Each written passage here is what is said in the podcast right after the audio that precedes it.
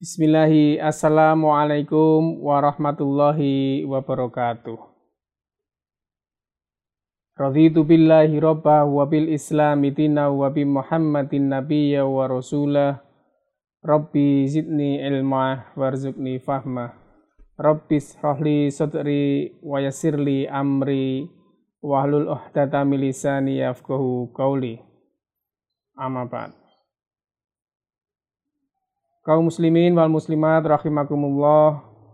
Marilah pertama kita panjatkan puji syukur kehadirat Allah Subhanahu wa taala yang telah memberikan banyak kenikmatan dan rahmat serta hidayah kepada kita semua sehingga kita dapat memasuki bulan suci Ramadan, bulan yang penuh berkah, bulan yang penuh ampunan, maghfirah, dan bulan yang penuh dengan kebahagiaan ini dengan seksama.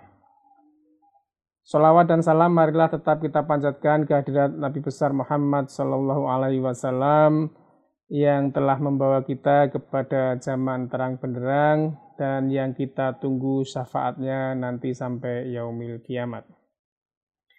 Kaum muslimin dan muslimat di mana pun berada, Tentu kita perlu menyambut bulan suci Ramadan ini dengan sebaik-baiknya, kita mempersiapkan diri dengan sebaik-baiknya agar kita dapat melaksanakan segala ibadah yang dianjurkan di bulan suci ini dan sekaligus tempat kita untuk terus senantiasa belajar dan belajar baik itu kita mempelajari ayat-ayat kauliyah yang ada pada kitab suci Al-Quran dan Al-Hadis maupun ayat-ayat kauniyah yang ada dalam kehidupan kita sehari-hari. Ayat kauliyah yang ada dalam Al-Quran sudah e, tersurat dengan sangat jelas dan kita diminta juga untuk mempelajarinya ayat-ayat kauniyah sangat luas sekali. Apa pun yang ada di muka bumi ini adalah ayat-ayat kauniyah yang tentunya kita perlu juga belajar, kita perlu bertadabur, kita perlu berpikir terhadap ayat-ayat kauniyah tersebut. Allah berfirman, Inna fi khalqis samawati wal ard wa ihtilafil laili wa nahari la ayatilil ulil albab. Sesungguhnya dalam penciptaan langit dan bumi termasuk seisinya dan juga penciptaan siang dan malam itu ada tanda-tanda bagi orang yang berpikir. Ayat out kauniyah itu sangat banyak sekali termasuk segala macam fenomena di bumi dan fenomena-fenomena yang akhir-akhir ini kita hadapi.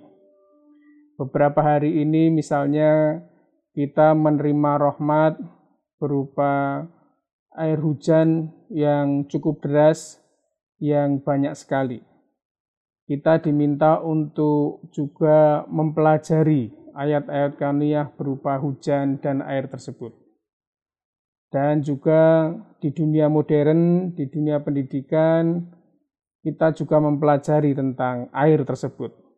Misalnya kita mempelajari dalam kaitannya dengan hidrologi. Dan kita mempelajari bagaimana air itu berasal. Dari proses penguapan, kemudian berkumpul menjadi awan, kemudian pada saat terjadi puncak kondensasi, maka turunlah sebagai air hujan. Kemudian setelah hujan membasahi bumi, Allah mengatakan dalam ukuran tertentu air itu diturunkan, kemudian air itu ditampung di bumi, dan juga oleh keleluasaan Allah air itu dilenyapkan. Dalam Quran surat Al-Mu'minun ayat 18 Allah telah berfirman, "A'udzu billahi minasyaitonir rajim." Wa anzalna minas sama ima'am biqadarin fa askannahu fil ardi wa inna ala dhahabi bihi laqadirun. yang artinya kurang lebih dan kami turunkan air dari langit dengan suatu ukuran. Dan saat ini di dunia modern kemudian ukuran-ukuran itu ditentukan atau misalnya ditetapkan. Misalnya turun dengan curah hujan 150 mm, 100 mm, ada ukuran-ukuran tertentu yang Allah telah mensuratkan dalam ayat kauliah, kemudian dipelajari manusia agar kita menjadi orang yang berpikir tadi, kemudian manusia dengan pendekatan-pendekatan metodologinya mengimplementasikan atau menerjemahkan lebih jauh secara ilmiah. Dan itu sudah terbukti di dalam Quran, di dalam Quran ada.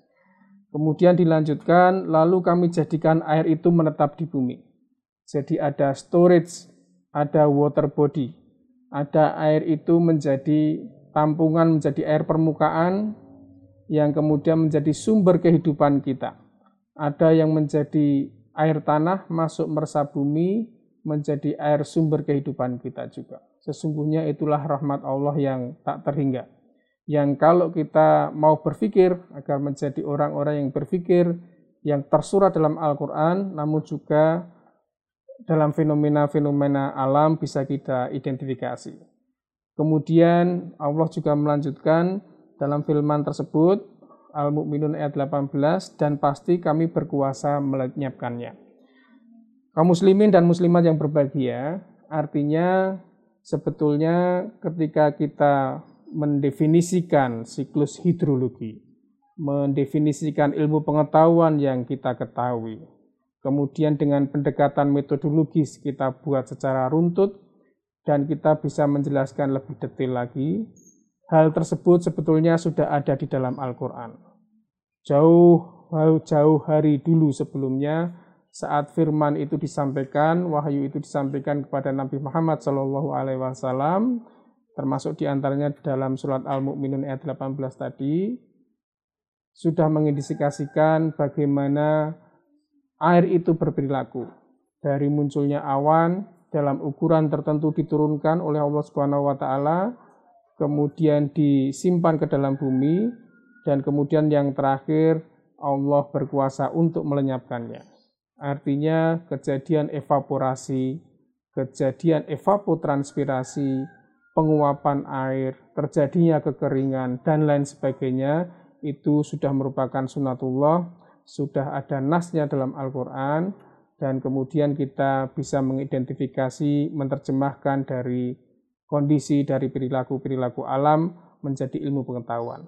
Sungguh sesuatu yang sangat besar sekali rahmat Allah dan kita juga dirahmati untuk bisa berpikir. Dengan kemampuan kita berpikir, menemukan atau mengenali ayat-ayat kauniyah tadi, harapannya kita semakin meningkat iman dan takwa kepada Allah, semakin bersyukur, dan semakin menguatkan bahwa la ilaha illallah tidak ada kuasa, tidak ada kekuatan selain dari Allah Subhanahu wa taala. Demikian yang dapat kami sampaikan. Semoga pengetahuan yang serba sedikit ini salah satu dari ayat-ayat kauniyah ini dapat memperjelas keimanan kita, dapat memperjelas pengetahuan kita dan semoga kita semua selalu diberkahi oleh Allah Subhanahu wa taala di bulan suci Ramadan ini. Wallahu muwafiq ila aqwamit thoriq. Hadanallahu yakum ajmain. Assalamualaikum warahmatullahi wabarakatuh. La ilaha illallah Muhammadun Rasulullah